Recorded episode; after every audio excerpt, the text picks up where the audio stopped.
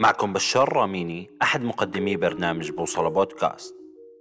هذه الحلقة بعنوان ابتسامة الموناليزا. قبل ما يقارب السنة كتبت نص هاي الحلقة وكان على شكل مقال لإحدى المؤسسات العلمية. وبنظري هذا أفضل مقال كتبته علما أنه في كثير مقالات ممتازة سبق وكتبتها لكن هذا النص تحديدا رهيب. واللي كنت بشرح فيه ابتسامة لوحة الموناليزا. وفعلا بعد قراءة طويلة ومعمقة بمصادر عدة عن اللوحة لقيت إنها واحدة من الأشياء اللي الواحد بصفن لما يعرف تفاصيلها بحيث إنه أصبحت الموناليزا اللوحة الأكثر شهرة في العالم مش بس بسبب تفاصيلها الإبداعية برضو لأنه المشاهدين اللي بنظروا إلها كانوا قادرين على الشعور بانخراط عاطفي معها فشو السر وراء ابتسامتها؟ الموناليزا هي لوحة فنية تعود للقرن السادس عشر لسيدة تدعى ليزا جوكوندا رسمها الفنان الإيطالي ليوناردو دافنشي وهي موجودة حاليا بمتحف اللوفر في فرنسا. وكان دافنشي بوقتها بتابع دراسته في عدة تخصصات منها علم التشريح والفن والموسيقى والبصريات والطيور والقلب وآلات الطيران والجيولوجيا بالإضافة إلى علم الأسلحة. فعليا كان بده يعرف كل شيء فكان أساس إبداعه وحماسه هو تشابك التخصصات المختلفة ودراسته للعلوم التطبيقية وتقاطع الفن بالعلوم مما جعله أكثر عباقرة التاريخ إبداعا. كان أكبر انتصار لدافنشي في الجمع بين الفنون والعلوم هو ابتسامة الموناليزا بحيث أنه بدأ العمل على اللوحة في عام 1503 ميلادي واستمر بالعمل عليها حتى وفاته يعني بعدها بما يقارب ب 16 سنة. بحكي لنا الفنان جورجيو فازاري هو رسام إيطالي معروف بكتابته الشهيرة لسير الفنانين الإيطاليين. كيف خلى دافنشي السيدة ليزا مبتسمة خلال جلسات التصوير؟ عن طريق استخدام بعض الأشخاص للغناء إلها بالإضافة للمهرجين للحفاظ على مرحها والسبب هو أنه يتمكن من تجنب حالة الحزن اللي عادي ما بتطغى على لوحات الرسامين وبالتالي كانت النتائج مرضية جدا.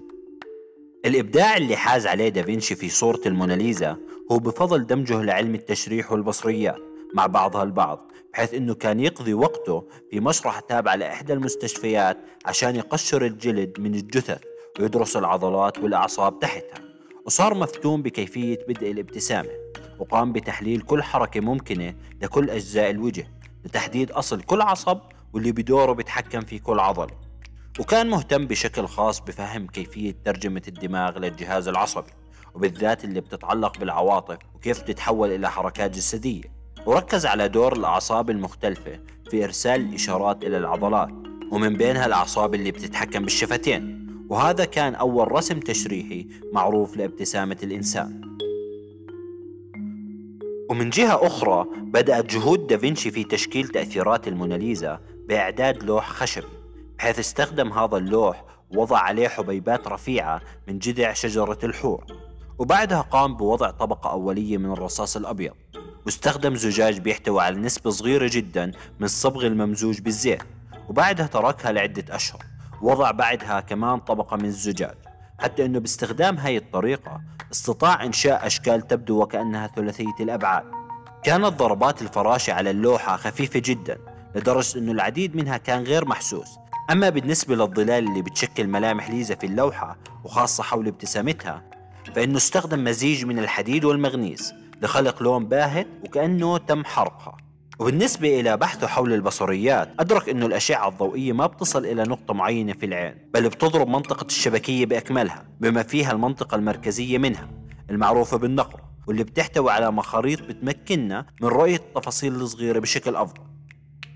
بالدمج بين المعرفتين التشريحية والبصرية تمكن دافنشي من إنشاء ابتسامة تفاعلية بحيث إنك إذا كنت بتنظر إلى الفم مباشرة فإن شبكية العين راح تكتشف التفاصيل الدقيقة واللي بيجعلها وكأنها ما بتبتسم.